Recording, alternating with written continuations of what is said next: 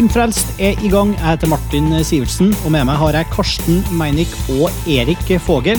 Og i likhet med sist uke får vi også selskap av Sara Marie Voldseth. Vi har sett eh, Monsters versus Aliens og skal prate litt om eh, den og om 3D-film. Men eh, først den japanske filmen Megane, som har tittelen 'Briller' på norske kinoer.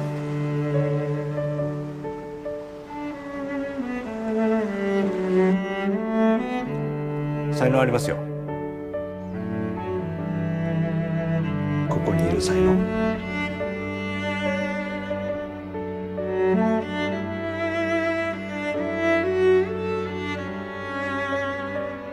妙子さんはなんでここに来たんですか？ここはね携帯電話が通じないの。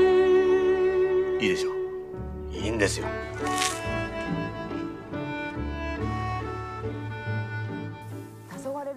Briller, eller Megane, som den heter. Er det en direkte oversettelse, forresten? Megane briller? Det vet jeg ikke. Jeg er ikke flytende på japansk. Ja, japanske mine rustne. Nei, jeg tror det. Uh, regi av Naoko Ogigami, som uh, kanskje noen kjenner til, men jeg har Jeg har ikke noe kunnskap til, regissøren, jeg. Karsten, du pleier jo å sitte med Nei, ikke jeg heller. Ikke i det hele tatt. Og denne filmen, i det, hele denne filmen kom jo som uh, julaften på kjerringa, eller hva det heter. Jeg ante ikke at den eksisterte engang, jeg, før jeg plutselig begynte å se at det kom en film som heter Briller. Som gjorde meg litt nysgjerrig. Den er produsert i 2007, så den har jo brukt sin tid på å finne norske kinosaler. Ikke sant? Jeg prøvde å søke etter informasjon om da briller på, på norsk, og da i forrige uke og fant nesten ingenting. Men nå har det heldigvis kommet en del anmeldelser, og man kan få mer informasjon også på norske sider, da. Så jeg håper at det kanskje gjør at flere oppdager den. Det er jo en, eh, det er jo en spesiell film, kan man jo trygt si. Kan du si kort om hva den handler om også?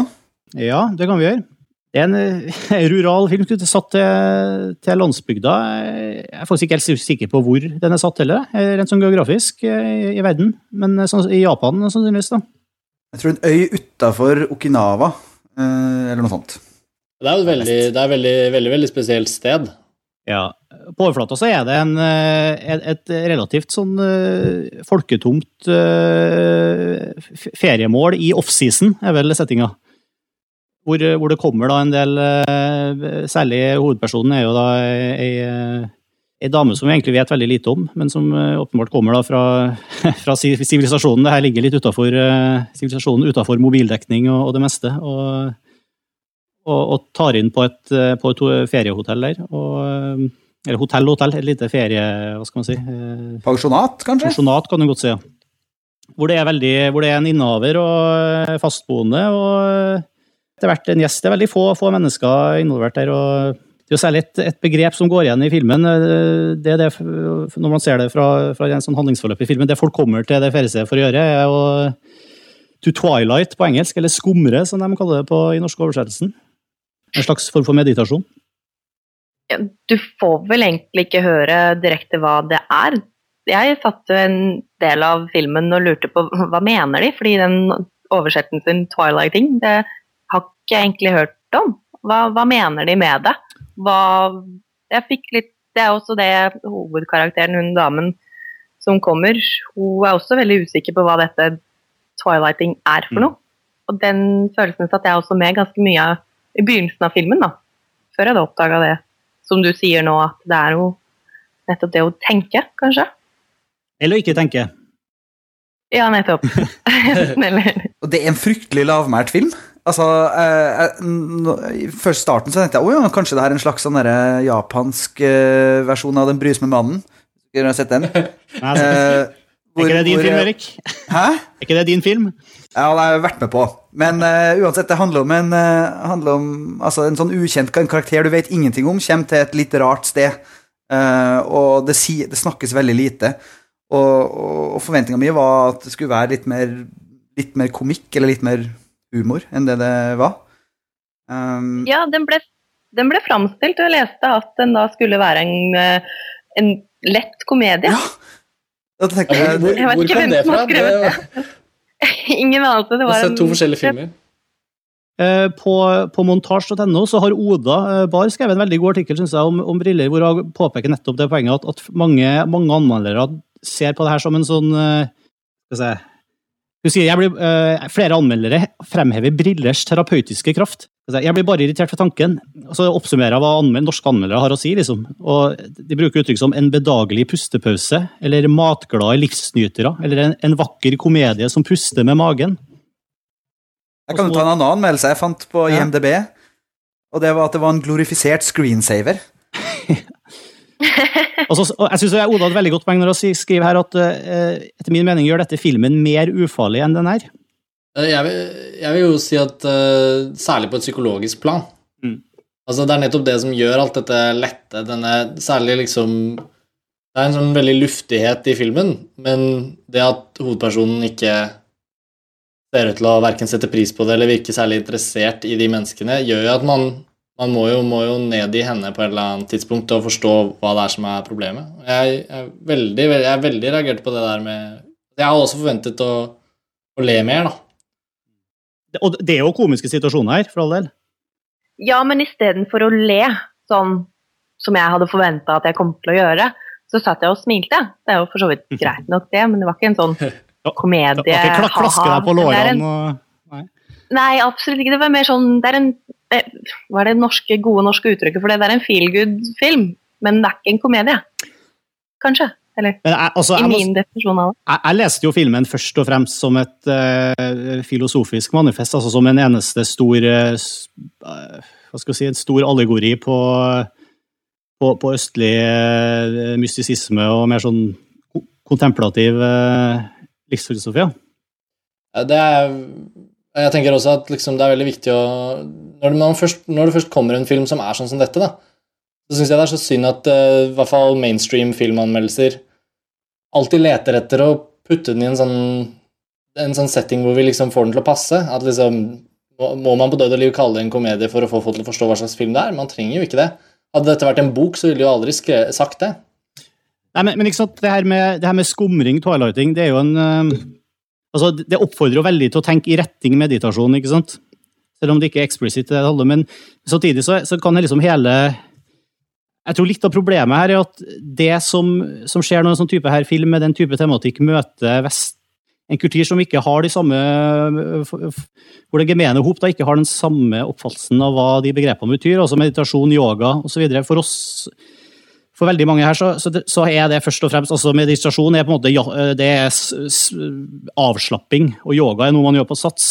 Mens på, i, i, i, østlige, i mye østlig filosofi så er det rett og slett uh, noe helt annet. Der er det teknikker og, og øvelser for, for bevissthetsutvikling og, og like mye et, et livsmål og en, en, måte å være på. og no, en, Noe man oppsøker istedenfor noe man, man gjør som en slags sånn avkobling. Jeg tror kanskje at, at, det er litt det samme som skjer i de her anmeldelsene, som, som på en måte feier over det som en sånn Man får jo bare ut av en film det man tar med inn i den, på en måte. Og når man ikke har, har noen skikkelige konsepter om, om, om, om østlig filosofi, så tror jeg det er vanskelig å, å, å også få det ut av en. Ja, som, som stressa bymenneske fra Vesten, så fikk jeg veldig lite ut av den her. Eh, jeg synes det Jeg ramla av etter eh, en halvtimes tid og kom ikke inn igjen, altså. Jeg syns den rett og slett var kjedelig. Jeg syns billedbruken er veldig tydelig. altså i den type sånn, med, med meditasjon som du på en måte i mystisismen ikke får noe angivelig ut av hvis du går inn, går inn i det på jakt etter noen ting. Du må, eh, kan, det er ikke noe du kan oppnå der ved å, ved å gjøre det aktivt. Altså, det, det, er noe, det, er noe, du må gå inn i og, og oppdage uten egentlig å ha noe, ha noe retning. Og, og, det er jo mye av det som skjer i filmen òg. Her feriestedet ligger Du kan ikke finne det hvis du leter etter det, du finner det bare hvis du er fortapt. ikke sant? Du, som, som, det er en sånn scene hvor de, de har fått utlevert uh, veianvisning for å komme seg til feriestedet. og det ja, når du, er, når, du har, når du, er, fortapt, så ta, når du begynner å føle at du har gått deg vill, så ta neste til høyre. altså, og det, Den type billedbruk syns jeg gjennomsyrer hele filmen. Og det, og det, handler ikke så mye om å Det er ikke noe du aktivt gjør. Det å oppnå liksom, jeg vet ikke, opplysning, da, eller det som er målet. Altså, hvis det i hele tatt er noe mål med skumring eller meditasjon eller twilighting, eller hva man nå kaller det. Og, og det, den, den, kontrasten er veldig sånn tydelig i forhold til hun, hun dama i filmen går jo, har jo en avstikker til en annen feriekoloni, eller et annet pensjonat på samme øya. Hvor det da tenkte der Endelig skjer det noen ting, tenkte jeg da. Da har vi men... sittet og sett på at hun har sittet og sett på havet. Så og sett på at de har laga mat og spist mat sammen, og veldig flott mat som man blir sulten av å se filmen. Men, men uh, Og så tenkte jeg yes, nå er det action! Nå drar jeg derfra, liksom. Men ja. Du kan fortsette. Ja. Men så går hun da til et sted hvor de faktisk bare gjør ting. Altså, de arbeider. Det er en arbeidssko... Altså, de finner eh, livsglede gjennom arbeid, liksom, og da Det er på en måte den helt motsatte eh, leiren av hvor, hvor, det er fokus på det å gjøre, gjøre istedenfor å være. Og så drar hun tilbake. Så drar hun tilbake. Ja. Og det, og det er jo det altså, hun, hun, ser, hun, ser, jo åpenbart at det er en eller annen form for ro, eller en eller annen for, Det er et eller annet de har, de menneskene på det pensjonatet, som er tiltrekkende de vet et eller annet, liksom, de har en eller annen eh, livsforståelse. Hun vet ikke, hun har ikke helt skjønt hva det er, hun vet ikke hvorfor hun ønsker seg det, eller hva, om hun i hele tatt gjør det, eller, men det er et eller annet som, som trekker henne mot det. Veldig rart, bare en liten sidekommentar. Jeg har ikke sånn kjempeforhold til japansk film, men, men alle de filmene jeg har sett, faller enten i én av to kategorier. Det er liksom enten sånn som her, lavmælt, få karakterer, nesten ikke noe ord eller hysterisk, overkompenserende, bråkete, fargerikt, sykt. Det er liksom Ja, det sier mer kanskje om meg, eh, men, men jeg har enda til gode å se en japansk film som er midt imellom. Men du fikk ingen ro av å se den filmen her, gjorde du det? Nei, jeg satt og kjeda meg.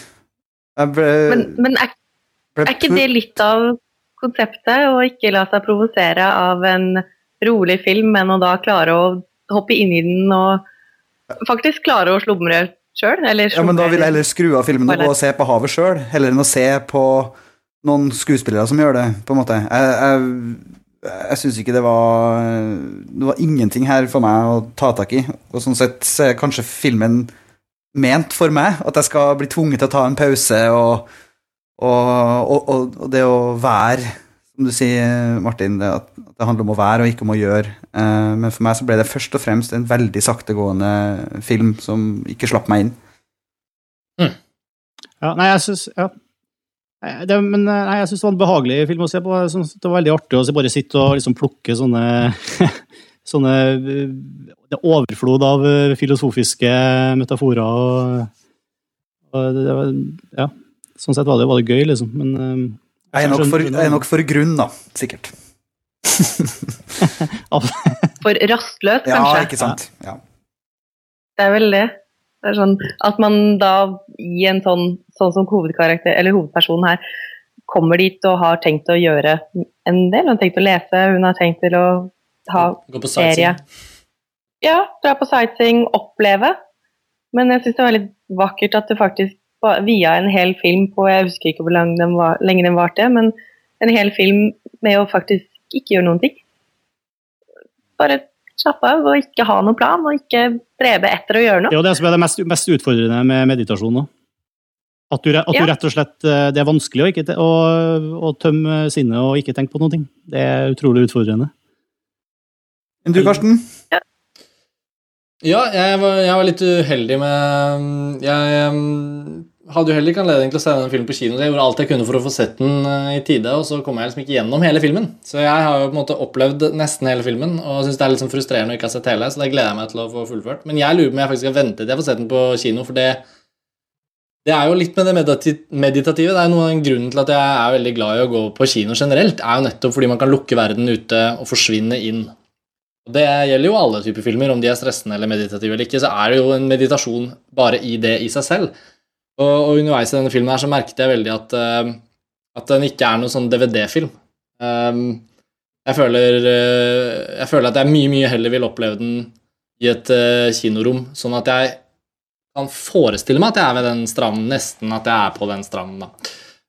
Sånn at for min del så kommer jeg ganske helt sikkert til å gå til den filmen eh, på kino og få den opplevelsen fra begynnelse til slutt i et kinorom. Særlig fordi den er sånn som den er. Nettopp pga. at den har den rolige fortellingen, og at den handler om det med å trekke, trekke seg liksom vekk fra alt som er aktivt oppi hodet, og forsøke å uh, bare fokusere. Og det kan jo ofte nettopp gjelde kinoopplevelsen òg, at hvis man, hvis man ikke er forberedt på å se en film, så burde man nesten kanskje heller ikke gjøre det, da, men forberede seg godt, og så får man godt utbytte av det. Sånn som 14-åringer med mobiltelefonene sine og sånn. Kanskje de ikke burde vært inne i kinoen i det hele tatt. ikke sant? Kanskje de burde gjort det de heller vil gjøre, og så fokusere på å se en film når de virkelig skal se den. De kan få lov til å se popkornfilmene, da. Ja, ja. Men jeg skjønner det med DVD. Det er veldig lett å da sette på pause og gå og ikke behøve å se slutten, eventuelt. Og Fordi særlig, når filmen er som den er. ikke sant? ja, man vet at etter hvert så skjønner man at det kommer vel egentlig kanskje ikke til å skje så veldig mye. Det er ikke sånn, sånn som du sier 'Å, nå skal de til nytt hotell, kanskje det skjer noe der'. Nei, det er ikke det som er poenget med filmen. This is it.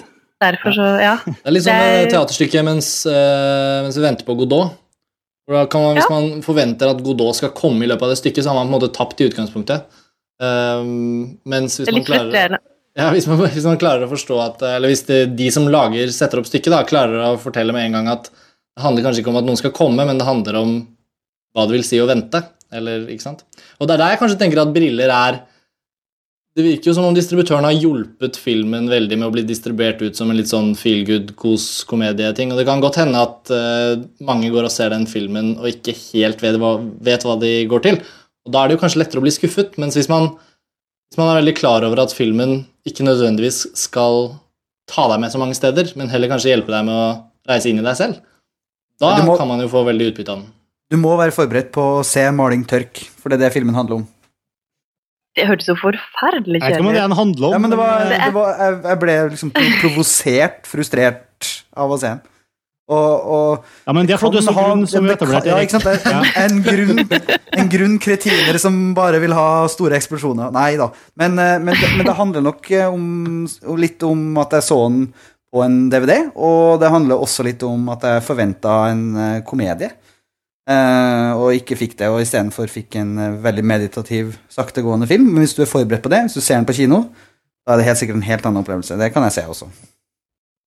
Ja. Jeg så den hjemme på TV-skjermen, liggende i sofaen. I veldig, i, i veldig soveklar positure, men jeg sovna ikke. Nei. Jeg så den også hjemme da, og godt pakka inn under teppet og smi, satt og smilte til meg selv fordi jeg syntes den var god. Det var liksom sånn godfilm. Sånn, ja, nå er det helg, nå kan jeg, nå kan jeg slappe av. Provoserende. Men uh, Så Vi har, vi har, vi har alle, Ja, til- vi har alle til gode å oppleve den på kino, da, i det minste. Så det kan hende lyttere som har vært og sett den på kino, har sett en helt annen film enn oss.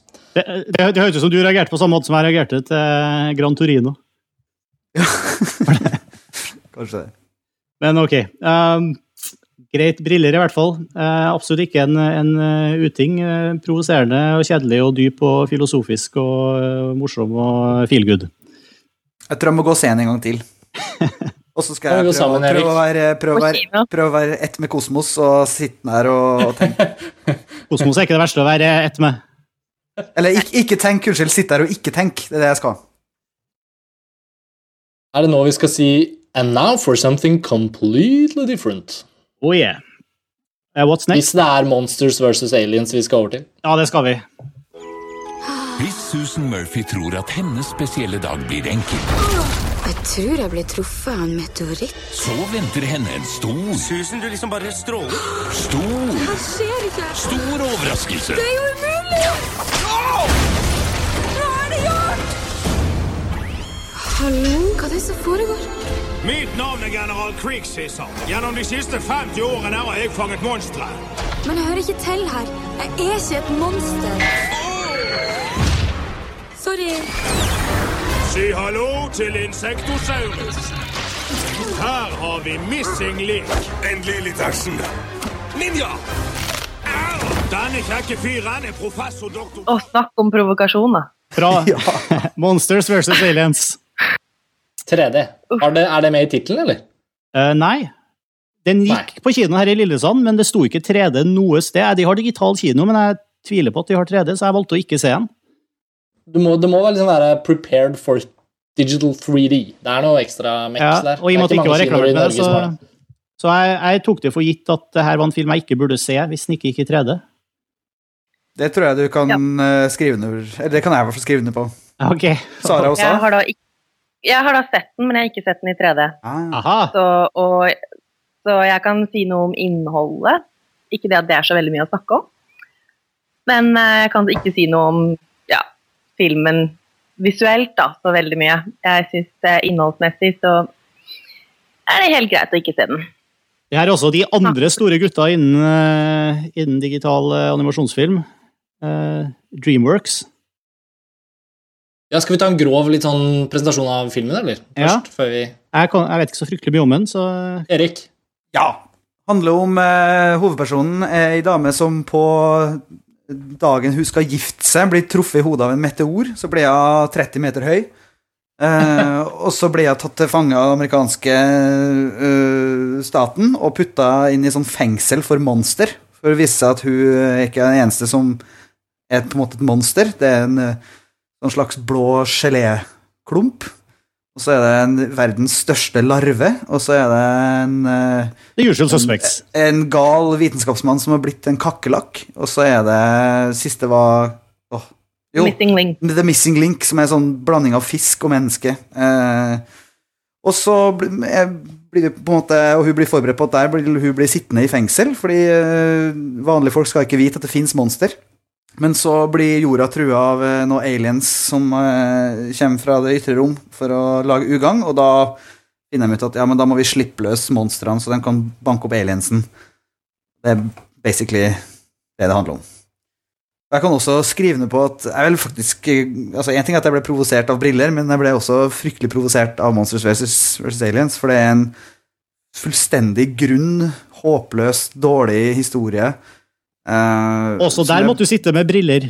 der måtte jeg sitte med briller, faktisk. Og uh, sånn 3D-briller. Uh, Men, men det som gjorde filmopplevelsen interessant, var nettopp 3D-effekten. Fordi altså, storyen er, håpløs. eh, Og det er en sånn pastisjfilm som på en måte refererer til veldig mye annet gammel science fiction. Og, eh, eller amerikansk gammel science fiction, og også litt eh, japansk, faktisk. Eh, Litt sånn Godzilla-referanser og sånn.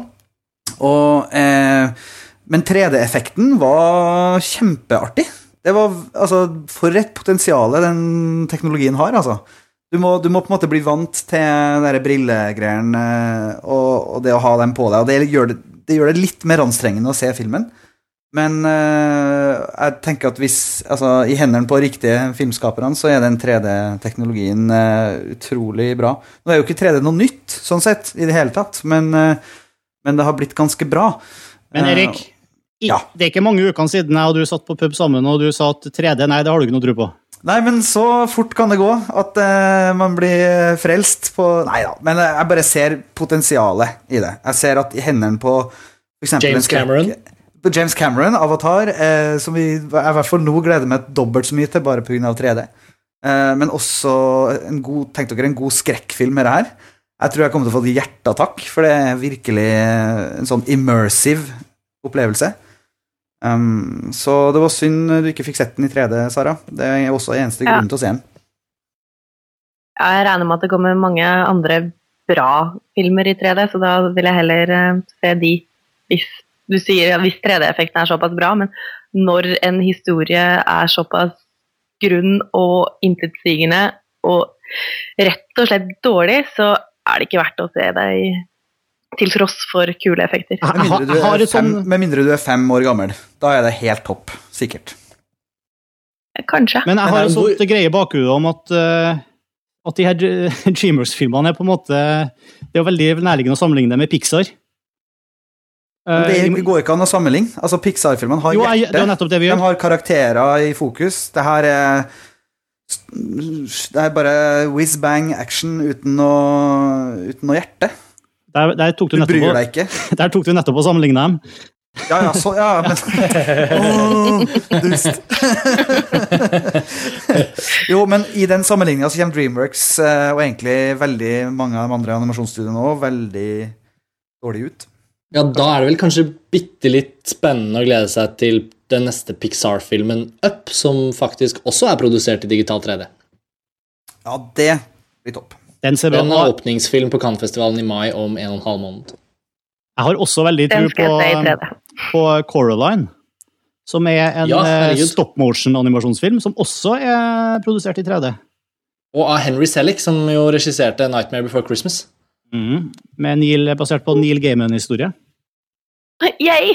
Og det, altså bare, det, bare ta en titt på websidene til Coraline, så ser dere hvor mye craziness og eh, detaljfokus vi har å forvente oss fra den filmen. Det, de har syke nettsider, og det vi har sett fra filmen, det ser veldig veldig spennende ut. altså.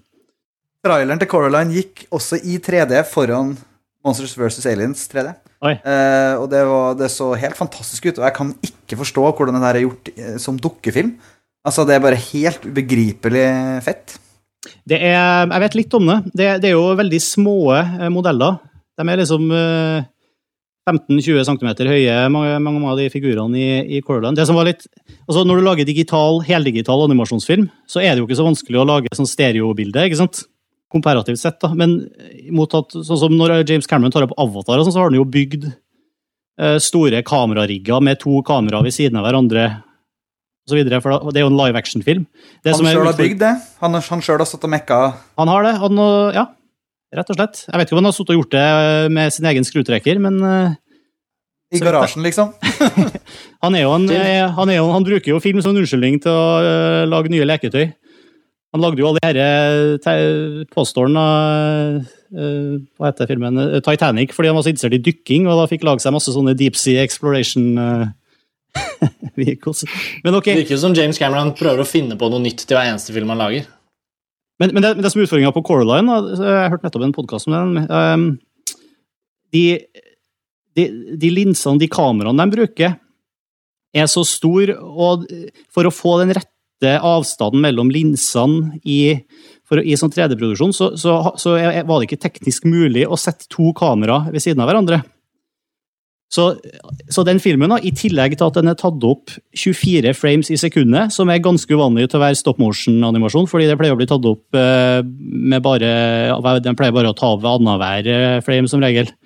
Eller noe sånt, og, sånt, og da blir det jo litt mer jerky, selvfølgelig. Mens Coraline er tatt opp eh, med 24 frames i sekundet. Så de, de flytter og tar knipser 24 bilder med stillkamera, rett og slett.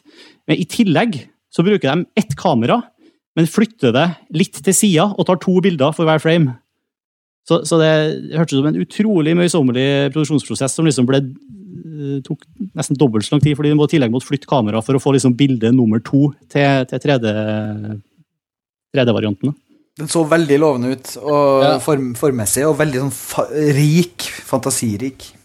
Det er jo der Dreamworks, eh, hvis de fortsetter å lage sånne platte historier, uansett hvor kul teknikken er, vil tape. da, fordi bare på traileren fra Coraline og, og på det man vet om historien, så skjønner man jo at de virkelig har noe å fortelle. De har jo noe virkelig bra bakgrunnsstoff for å bruke 3D-effektene, for å bruke animasjon, for å skape det universet. Og da er det jo ti millioner ganger mer å glede seg til eh, ved den filmen, som har premiere 8. mai på norske kinoer. Jeg mistenker at det kanskje blir min første 3D-film.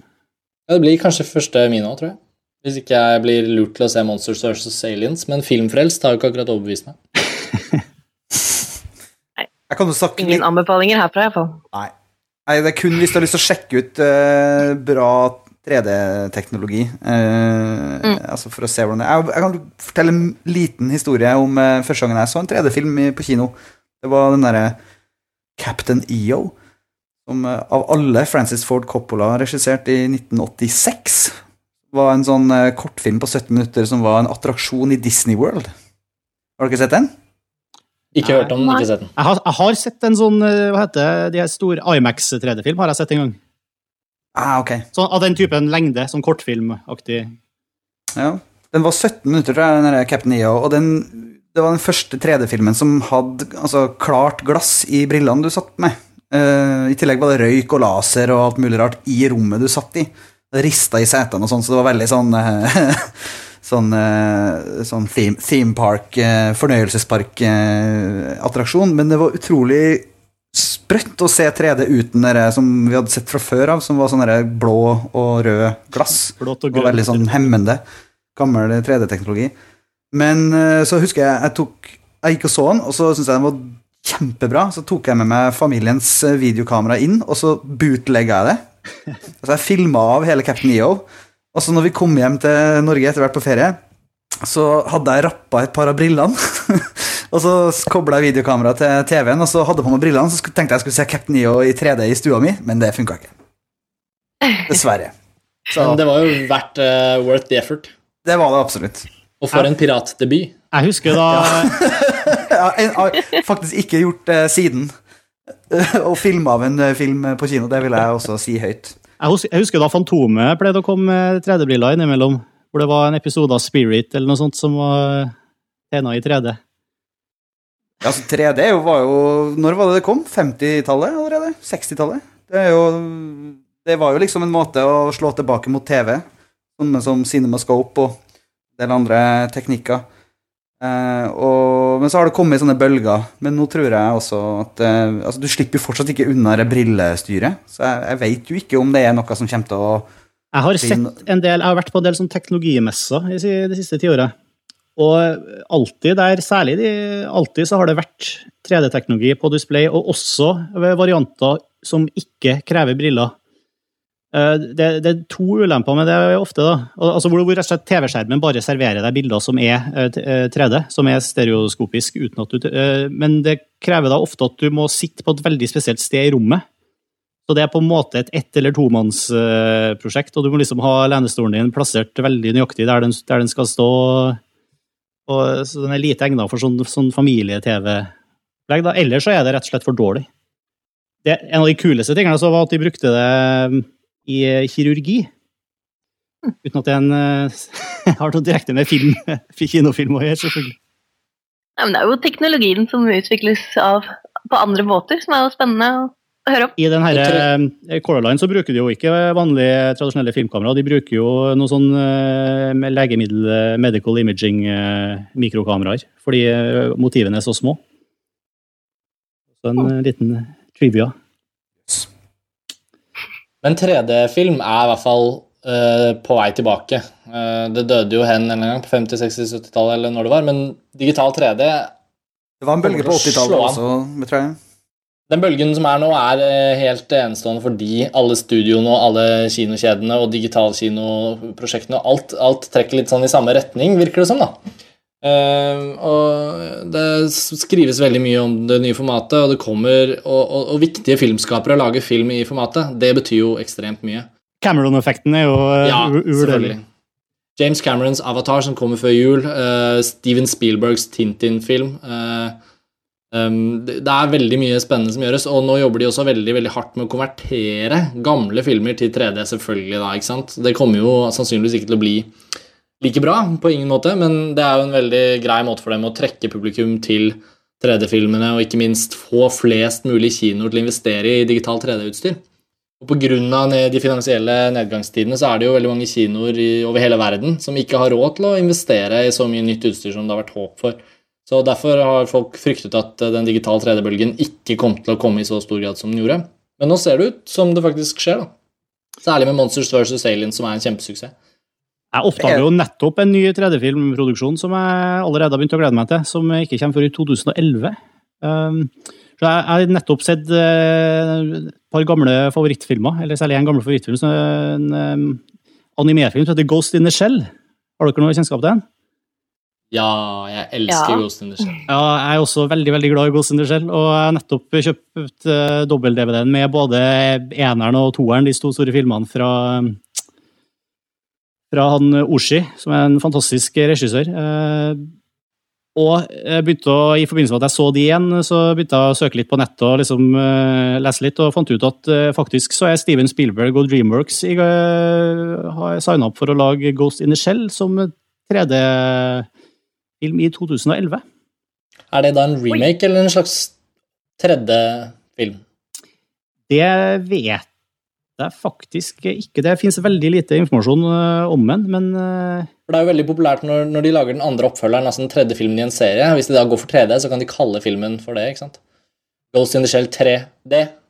Det er veldig populært. ja, men så vidt jeg vet, så er det en live livefilmversjon. altså det, jeg tror okay. ikke det er en animasjonsfilm.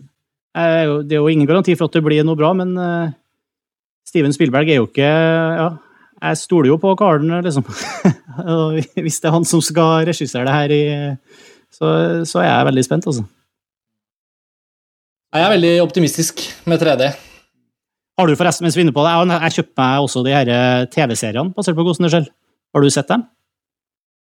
Hvem spør du meg? Ja, du, hvis du... Jeg har, ikke, jeg har bare sett Ghost in the Shell, den første. Jeg har ikke sett oppfølgeren heller. så- Oppfølgeren er også veldig, veldig bra, jeg. Ja, nei, må, Den så fristende ut, den dobbeltdisk-utgivelsen. Det er også- det er også så billig å kjøpe DVD. nå Ja, jeg vet. Jeg har bare sett uh, toeren, og den syns jeg var fryktelig kjedelig. Jeg sa det. En gang til. Jeg er Mr. Negativ i dag. Ingen som kommer fra Asia, vet du. Det er så, det er så grunn nå å skjønne ikke Asia, Erik.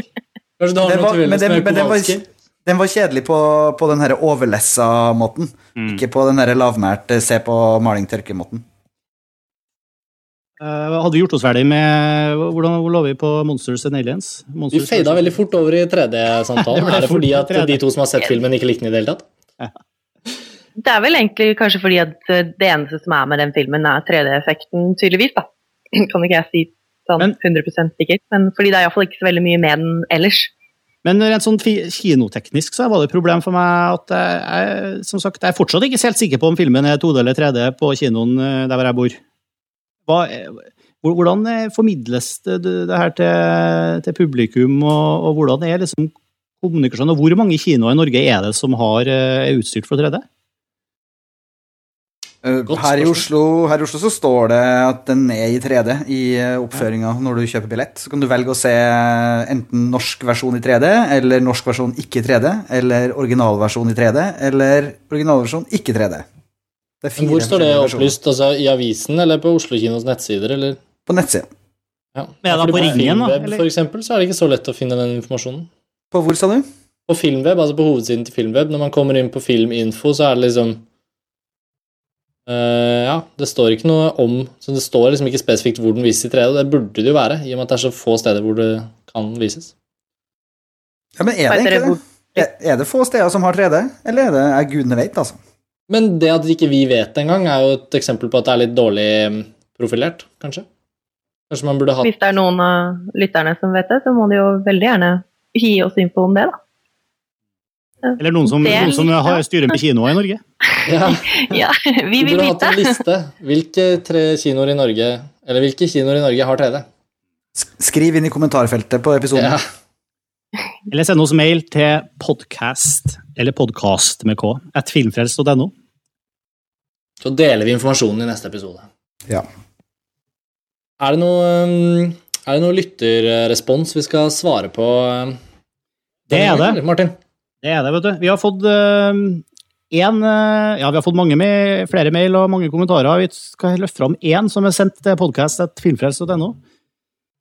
Fra André, som skriver Heia, flott podkast. Liker å høre god diskusjon rundt film, hvor argumentene for mot filmen faktisk blir begrunna, og at det går dypere inn i temaene. Takk, André. Vi, vi prøver. Uh, bla, bla. Én ting må jeg arrestere dere på. Det er kritikken mot norske kritikere. Når dere oppretter en slik podkast, blir dere selv kritikere og kommer med meninger om filmer sett fra et perspektiv fra noen som elsker film og vet alt om dem. Jeg er veldig glad i film, men liker ikke en film automatisk fordi det er en viss regissør eller en fotograf som står bak, mens av og til virker det som om dere hyller filmen for akkurat dette, selv om filmen kanskje ikke er noe særlig. Mm. Uh, Så jeg leser hele mailen her før vi begynner å adressere det. Okay, okay, okay. Men mitt spørsmål gjelder Max Manus. Da jeg så den på premieren i Kristiansand, så ble jeg meget skuffet. Det var ingen epilog. En venn i Sandnes så den samtidig med meg, og der var det epilog, hvor bilder av skuespillerne og de ekte personene ble stilt side om side, og en oppsummering av deres liv etter hendelsen. Jeg antar at dette kunne vært da Max Manus satt i bilen som kongens personlige livvakt, men da jeg så den, var det ingenting. Jeg satt i slutten av rulleteksten, ingenting. Hvis dette er tilfellet, hvor går grensen når man skal levere forskjellige filmer til de forskjellige landsdelene? Og Det var et spørsmål som jeg ble litt perpleks av. Jeg visste ikke at det var sånn engang. Er det forskjellige slutter på Max Manus? Og eh, jeg, kan vi ikke kritisere norske filmkritikere når vi selv driver og kritiserer film? Hva skal vi svare på først? Kan du si om det med, film, det med filmkritikere, så tenker jeg at eh, han har jo helt rett. Vi sitter jo og synser om film, vi også. Så jeg tenker jobben vår er jo bare å gjøre det på vår måte, og så kan vi også gjennom, når vi er lesere av andres kritikker, heller la være å lese dem, eller finne info om filmene hos eh, andre, hvis vi er uenige i måten filmkritikk eh, utøves på i landet her. Den kritikken vi kommer med av norske filmkritikere, er jo ikke bare alle andre. Det er jo også oss selv. Altså, hvis ikke Hvis ikke denne podkasten leverer en grundig gjennomgang av en film når vi først snakker om en film, så er det klart vi må kritiseres for det. Det er jo det som er eh, poenget. er at liksom, ah, For at uh, norsk film som helhet skal heve seg, både filmene, kritikerne, publikum Hvis man skal dra i samme retning for å skape en bedre filmland, må jo ting være bedre, og det gjelder også kritikerne. Og det som jeg syns er viktig å huske på, er at liksom generelt, hvis man sammenligner alle kritikerne vi har i dette landet, her, så holder det en ganske lav standard, nettopp fordi ikke film får noe særlig plass. Og det er viktig å kritisere. Og så, betyr jo ikke det at vi nødvendigvis ikke tar med oss selv i den betraktningen. Alle må bli bedre. Men det er bare litt apropos med filmkritikk og kritikere og sånt, eh, som jeg ser som også noe av problemet med kritikk av norsk film, er jo ternekastet. Det, og da, jeg var på seminar, filmseminar på Cinemateket i går, og da var uh, regissør Jens Jonsson, som har laga Pingpong-kongen, med uh, og han hadde et veldig godt poeng. Det var at i, i norsk kritikk og filmkritikere, da bruker de terningkast seks om norske filmer. ganske sånn u... Ikke ubegrunna, kanskje, men sånn ukonsekvent. F.eks. hvis det er en dårlig filmperiode av norske filmer, og filmbransjen på en måte trenger et boost, så virker det som det kanskje er lettere for en norsk film å få en terningkast seks, enn hvis det er i en periode hvor det er veldig mye bra norsk film på uh, ute, i, norske, ute på, i kinoer. Så det er liksom Filmkritikere sammenligner på veldig kort tidsperspektiv, da, og har på en måte ikke Sånn som i Sverige så har de jo flere veldig anerkjente, veldig store internasjonalt anerkjente regissører som både har lagt lista allerede. Mens i Norge så er det kanskje ingen nå som legger den terningkast seks-lista så høyt at ingen andre kan nå opp. Det, liksom, det er så veldig ujevnt, men man bruker allikevel terningkast seks om filmer som er av veldig forskjellig kvalitet, da. Så det er kanskje den kort, lang oppsummering av kritikk mot terningkastsystemet. Det er veldig, jeg syns du har veldig mye gode poenger der. Eh, eh, nå er Per Haddal, som akkurat har blitt pensjonert fra Aftenposten, har jo i mine øyne vært en av de kritikerne jeg har sett mest opp til i Norge. Men rett før jul så ble det på en måte litt sånn illustrert eh, veldig Det var litt synd, men han, han ga ut en topp ti-liste for 2008. Og Der var det to filmer på topp ti-listen hans som hadde fått terningkast fem. Men veldig bra filmer. En tyrkisk film som heter Tre aper, eh, og en film til. Nå husker jeg ikke akkurat hvilken det var. Men så hadde han i tillegg til en topp ti-liste så hadde han en topp fem, tror jeg, for norske filmer. En egen topp, toppliste for de beste norske filmene fra 2008. Og øverst der så sto De usynlige, en film som hadde fått terningkast seks. Hvorfor er ikke da den filmen på hans topp ti? Fordi den Godt har point. fått et norsk terningkast. Men det, det, det, er jo et generelt problem rundt all anmelderi, og det å skulle drive og, og tallfeste og kvantisere øh, opplevelser. Det er jo liksom, Jo lenger du holder på, jo flere prikker må du ha på terningen, på en måte. Det er noe helt annet, føler jeg, å sitte og prate om film sånn som vi gjør her, og sier det vi mener og er veldig subjektiv og slenger ting ut på bordet og liksom foreta en slags samtale rundt det, framfor det å si at den her altså, Den klassiske karikaturen er jo de her God kveld Norge-anmeldelsene. Dette er en flåsete film, og terningkast tre. En klassiker! Terningkast to. ja. ja. ja. ikke sant?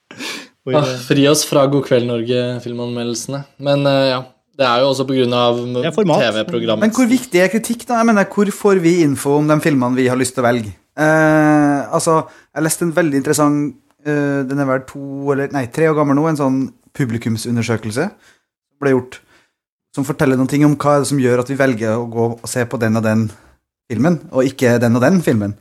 Og for folk i aldersgruppa 20 til 40 så er det en av de desidert mest viktige faktorene er jo hva vennene dine sier, og dem rundt deg sier. Ikke er ikke like viktig. En annen viktig faktor er hva slags sjanger har filmen.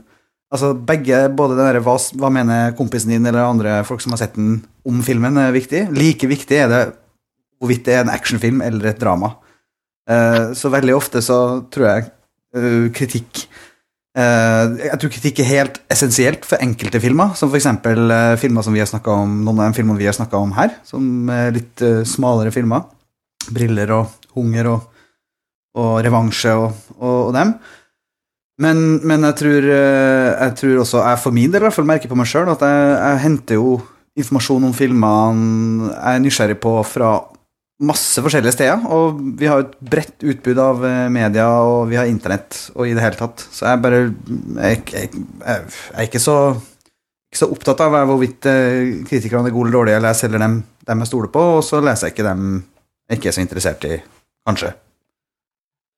Det er jo en veldig viktig debatt som foregår i USA nå også, for der er det veldig mange filmkritikere som får sparken for tiden. Eller aviser dropper filmkritikerne fordi de liksom kanskje ikke behøver å ha dem på lønningslista lenger. Og blant filmkritikere da så blir det jo en veldig viktig debatt for dem. da, liksom, Hva er filmkritikerens rolle? Hva er Hvilken rolle spiller filmkritikk i en tid hvor nettopp som du sier, mennesker får så mange tips og innspill og inntrykk fra så mange kanter? I hvert fall de som er litt online, da. Og det er jo flere og flere som er.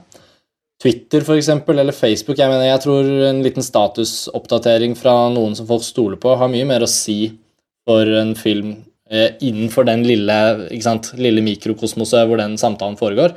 Det har mye mer å si enn hva en kritiker eh, nødvendigvis sier. Men en annen ting som vi ikke har snakket om, men uten å gjøre dette altfor langt, er jo det at eh, god filmkritikk, god filmanalyse, kan bety veldig mye for filmskapere.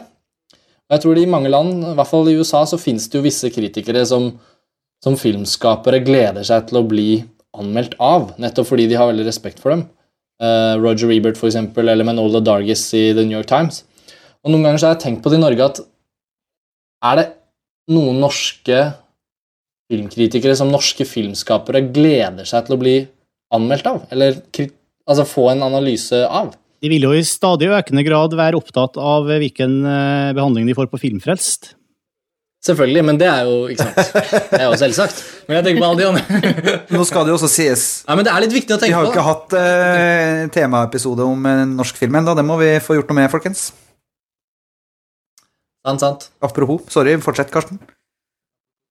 Jeg bare tenker at det er viktig fordi det er viktig å Jeg vet ikke, det er viktig å liksom få innspill fra hverandre, og også i offentligheten. Altså jeg tror uh, veldig mange filmskapere i Norge ville vokst på å få en mye mer voksen kritikk.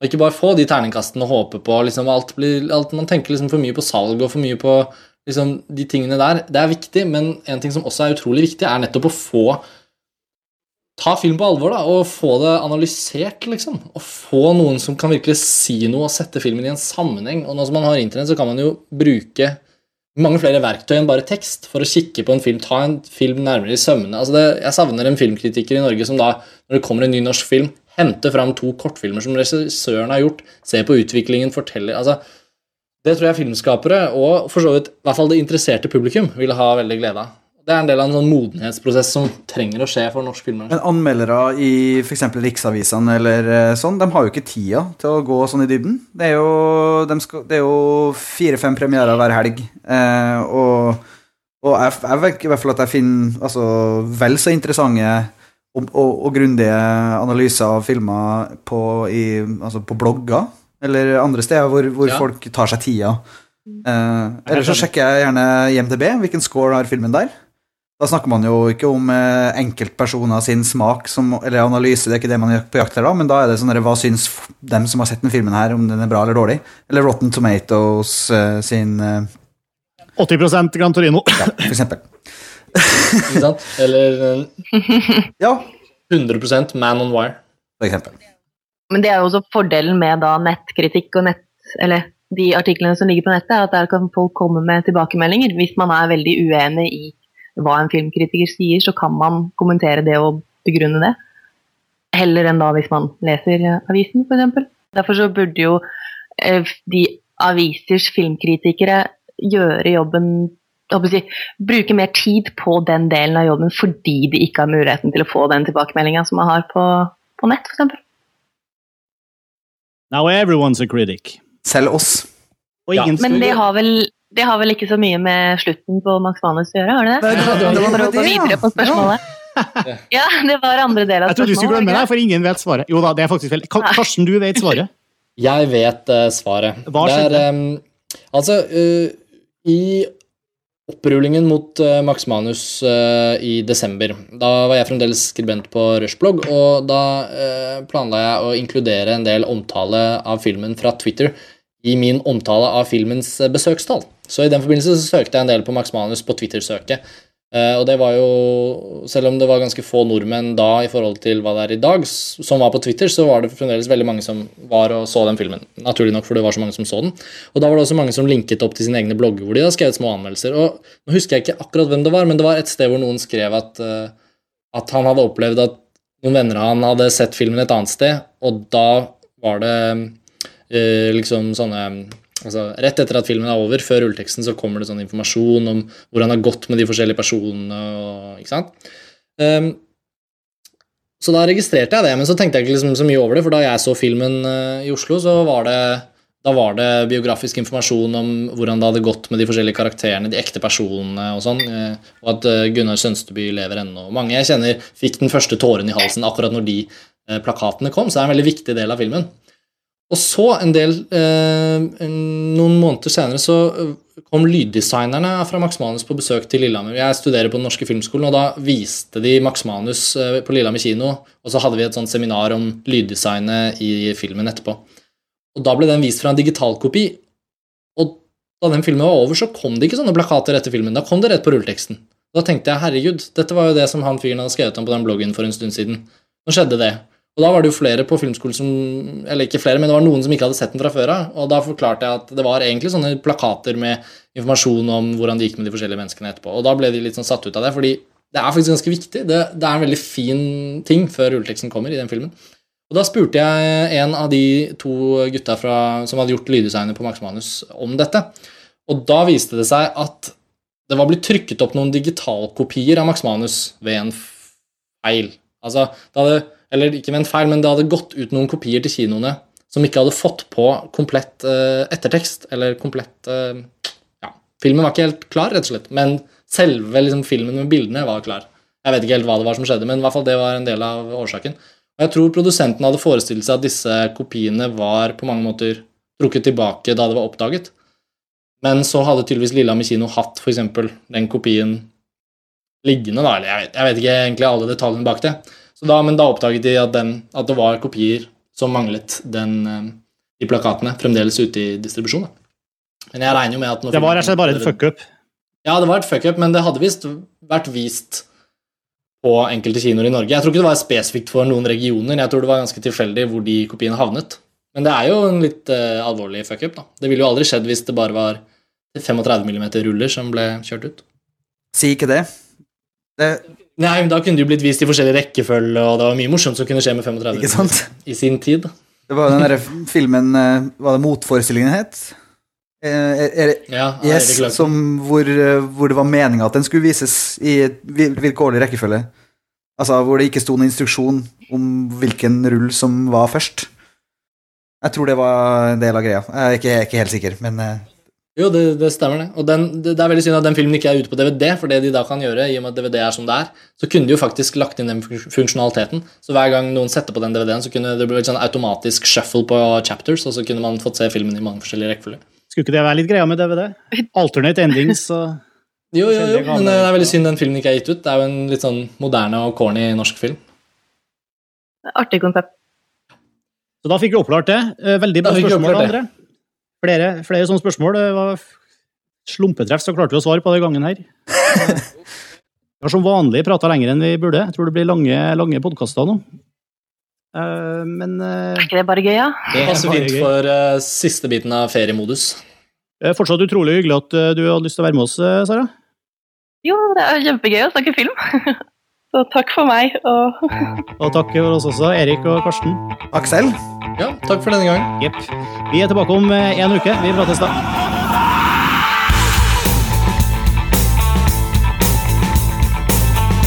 Filmfrelst er en ukentlig podkast. Du finner oss i iTunes eller på filmfrelst.no. Send oss gjerne mail på podkast.filmfrelst.no, eller bruk kommentarfeltene på sida.